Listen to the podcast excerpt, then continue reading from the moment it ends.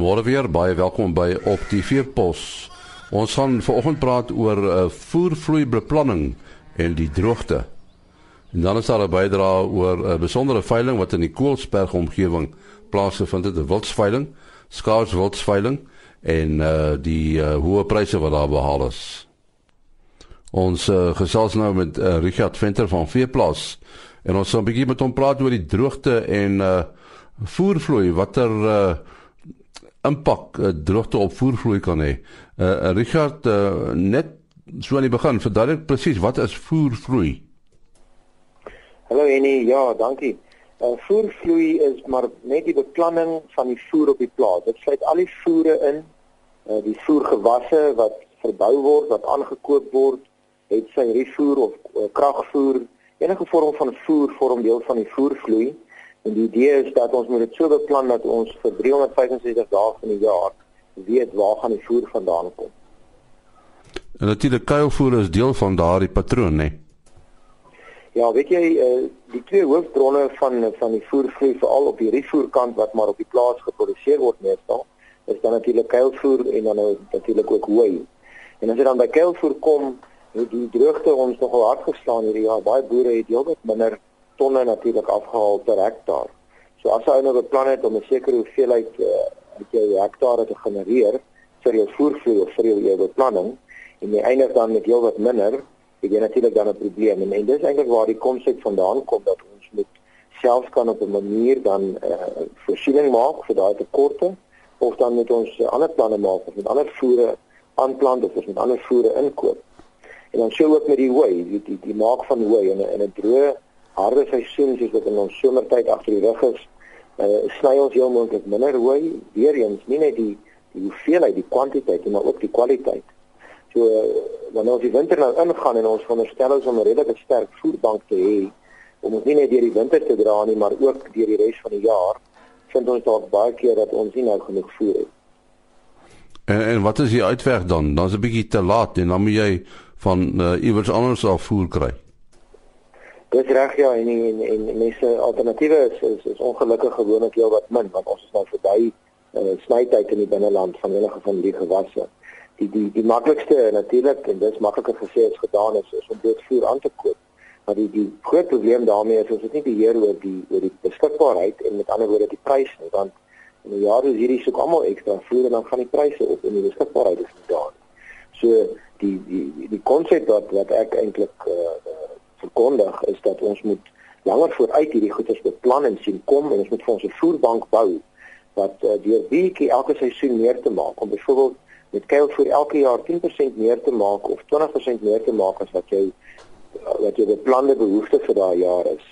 Dan teoreties natuurlik met 5 of 6 goeie jare wat jy kan dan uh, daai oordrag voorraad hê, bou jy vir jou voerbank op tot soveel as die helfte van jou behoefte.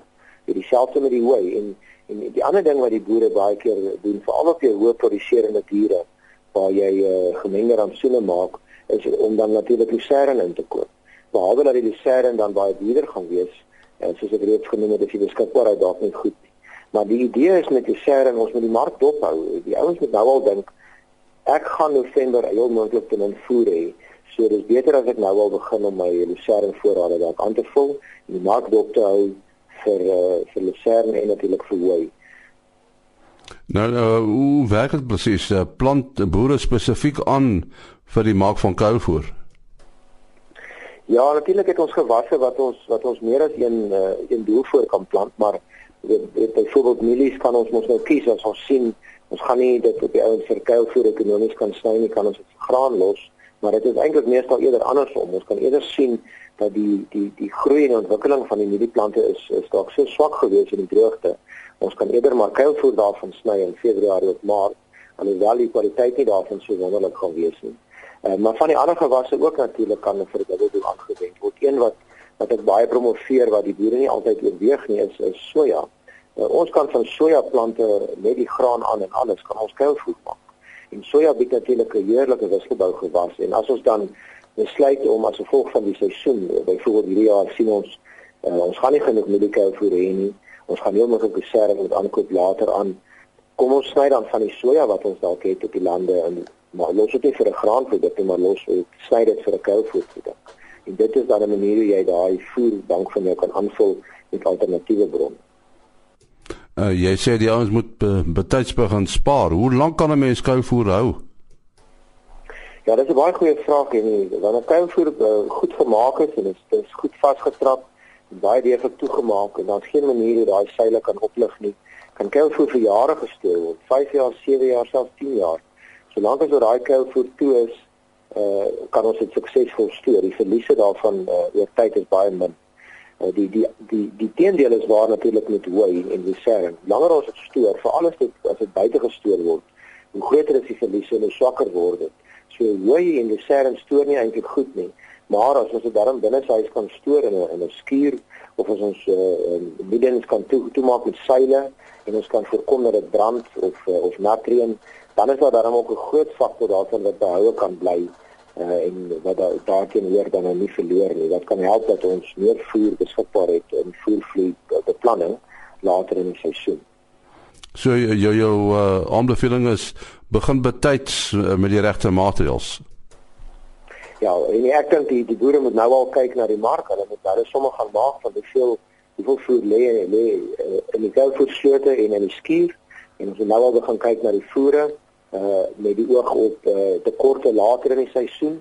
Uh ons kan die som gaan maak en as ons na die geskiedenis kyk van waar die voer se pryse heen hardloop as dit so in in, in hoog aan hoë aanvraag is, uh dan kan ons net die som nou gaan maak van die die rente op daai kapitaal en ek is uh, as ons na die geskiedenis kyk het daar al verskeie jare gewees waar jy die bewys is daar jy kan beter doen deur dit nou aan te koop en rente te dra op daai voer as om dit te los vir wanneer jy of heeltemal te duur betaal of glad nie kan kry nie. Ons sê ons sê baie dankie aan Richard Venter van Veeplas. Ons uh, gesels nou met uh, Niels Swart, hy's 'n afslaer van Vleissentraal Bosveld. Maar het 'n bietjie gaan kuier in die Karoo want ons gaan 'n bietjie gesels oor die Trophy Breeders se Karoo skaars wild veiling. Uh daar was nogal rekords, nee Neil. Hallo, nee, ja, um, as ek reg onthou was daar 4 4 rekords. Ehm um, die veiling, ek dink nie die veiling het so erg gegaan oor die oor die rekords en die pryse nie, die die die groot boek of die groot trekpleister of die groot motivering eerder vir die vir die veiling is omdat dit die eerste in daai omgewing is, dit weet 'n nuwe mark wat geskep word. Uh so dis die eerste veiling in daai omgewing en ek dink dit is eintlik meer belangrik as as die pryse wat behaal is op die dag. So in die omgewing is Koelsberg. Ja, dit was in Karoo en dit is 'n 'n eerste van daai tipe veiling in daai omgewing, ja. En uh hoe sien jy die toekoms ontwikkel wat hierdie hierdie saak betref?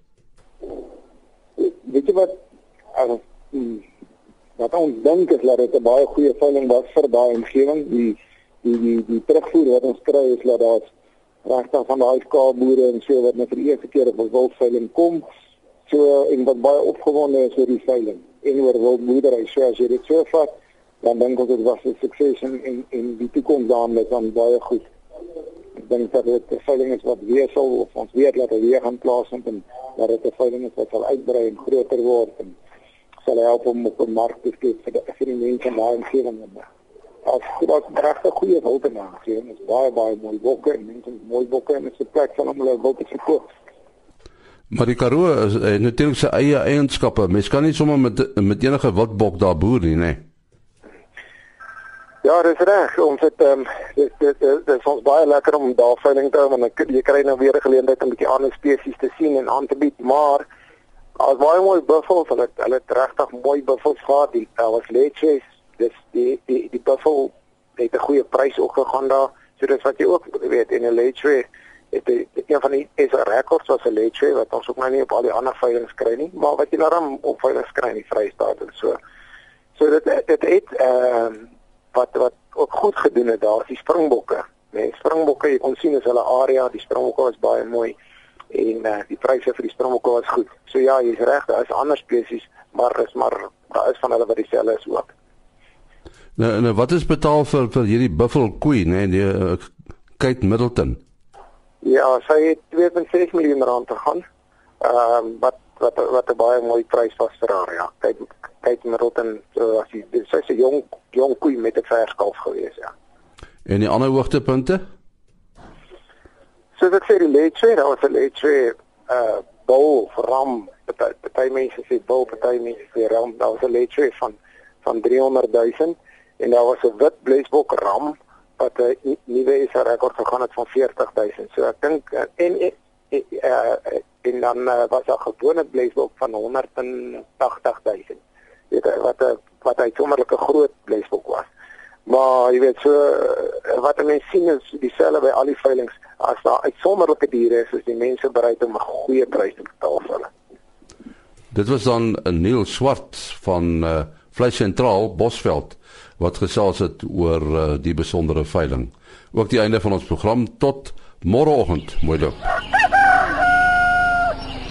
Ah.